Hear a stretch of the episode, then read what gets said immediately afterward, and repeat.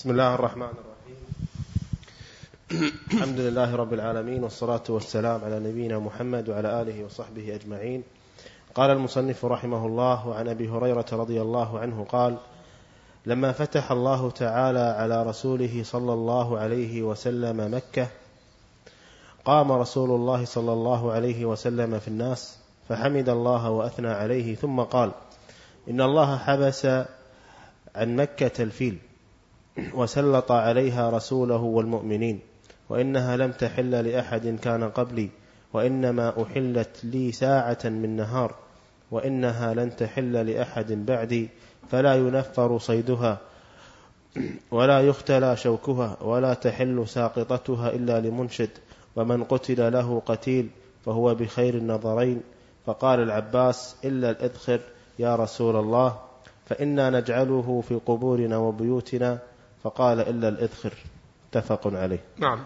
الحمد لله رب العالمين وصلى الله وسلم على محمد وآله وصحبه أجمعين. أما بعد انتهينا من شرح هذا الحديث وما فيه من الفوائد ووقفنا عند قوله صلى الله عليه وآله وسلم ومن قتل له قتيل فهو بخير النظرين.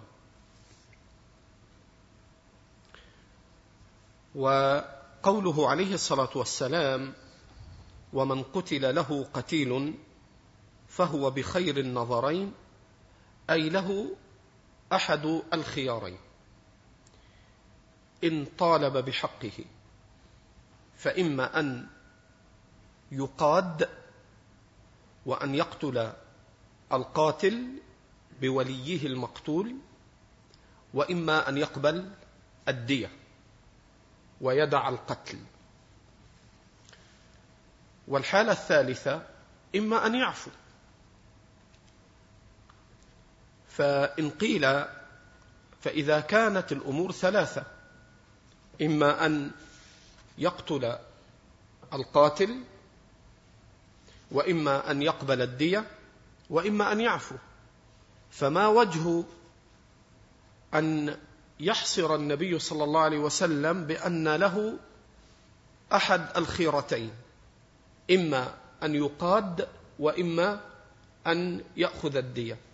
فالجواب أن المراد هنا بخير النظرين إن طلب حقه إن طلب حقه فلا خيار له إلا أمرين إما أن يقتل القاتل بوليه المقتول وإما أن يأخذ الدية.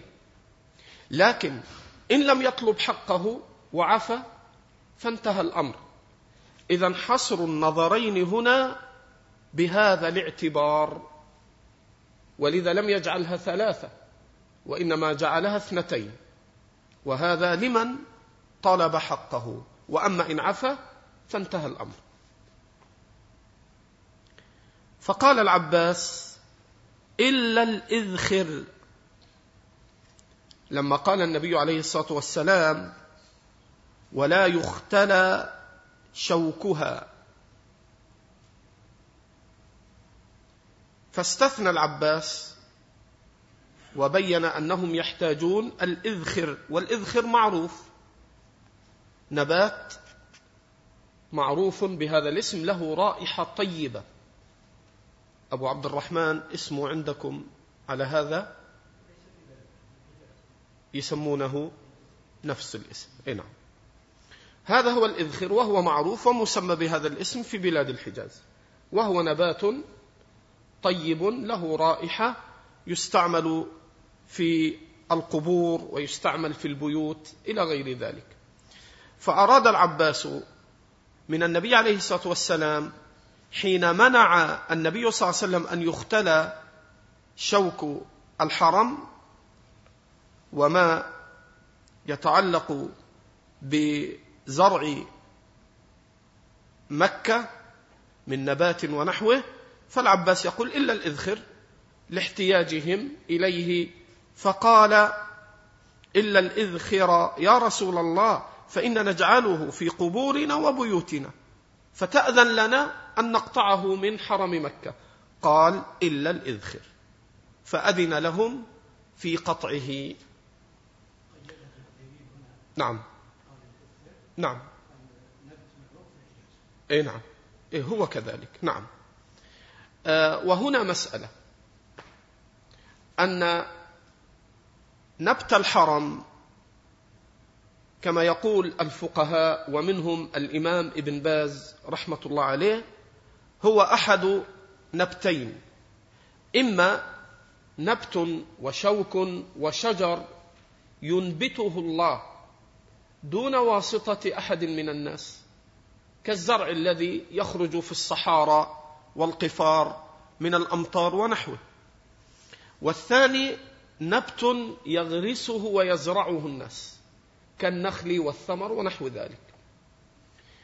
وهناك فرق من ناحية الحكم الشرعي بين هذين القسمين.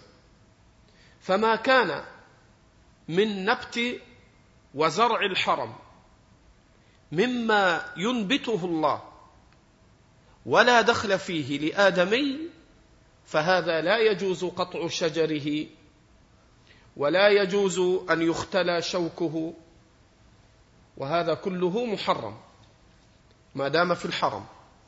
وأما ما يزرعه الناس في الحرم من نخل وكرم عنب وغيره فهذا لا حرج فيه وما زال الناس يزرعون في حرم الله المكي والمدني. فيفرق حينئذ بين النبت والزرع الذي ينبته الله عز وجل فلا يجوز أن يعرض له ولا أن يقطع شجره ولا أن يختلى خلاه ولا أن يجتنى جناه. كل ذلك لا يجوز. وأما ما يزرعه الناس من نخل وعنب كرم وغيره فهذا وإن كان في الحرم يحل. كذلك قوله عليه الصلاة والسلام فلا ينفر صيدها وتنفير الصيد هو أن تفزعه وأن تهيجه من موضعه. فهذا يسمى تنفير. قال الفقهاء فإذا كان نهي عن تنفير الصيد قال الفقهاء ومنهم الإمام ابن باز رحمة الله عليه قالوا فمن باب أولى أنه يحرم صيده. ذلك صيد الحرم لا يجوز. لا للمحرم ولا للحلال. فإذا كان قد نهي عن تنفيره فلا شك أنه من باب أولى لا يجوز صيده.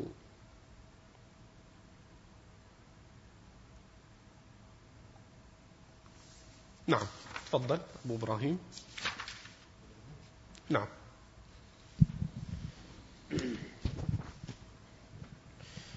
قال وعن عبد الله بن زيد بن عاصم رضي الله عنه أن رسول الله صلى الله عليه وسلم قال إن إبراهيم حرم مكة ودعا لأهلها وإني حرمت المدينة كما حرم إبراهيم مكة وأني دعوت في صاعها ومدها بمثلي ما دعا إبراهيم لأهل مكة. متفق عليه. وعن علي رضي وعن علي بن وعن علي بن أبي طالب رضي الله عنهما قال رضي الله عنه. نعم. قال قال رسول الله صلى الله عليه وسلم المدينة حرام ما بين عير إلى ثور. رواه مسلم. نعم. الحديث الذي سبق قبل هذا إنما هو في حرم مكة.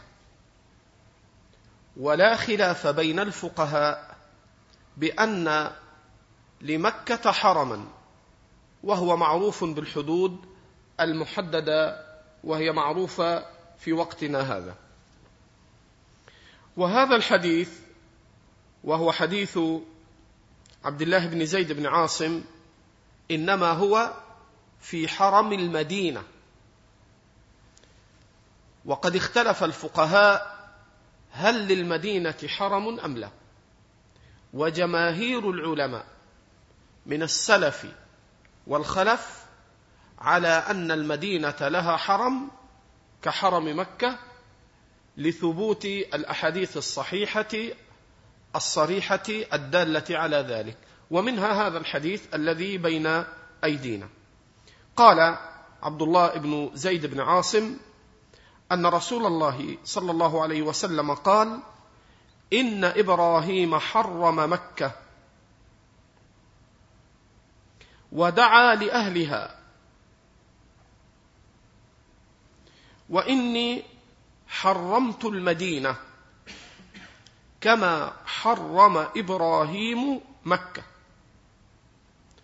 وتحريم المدينة ليس كل المدينة وإنما ما جاء في الحديث الذي عقبه في صحيح مسلم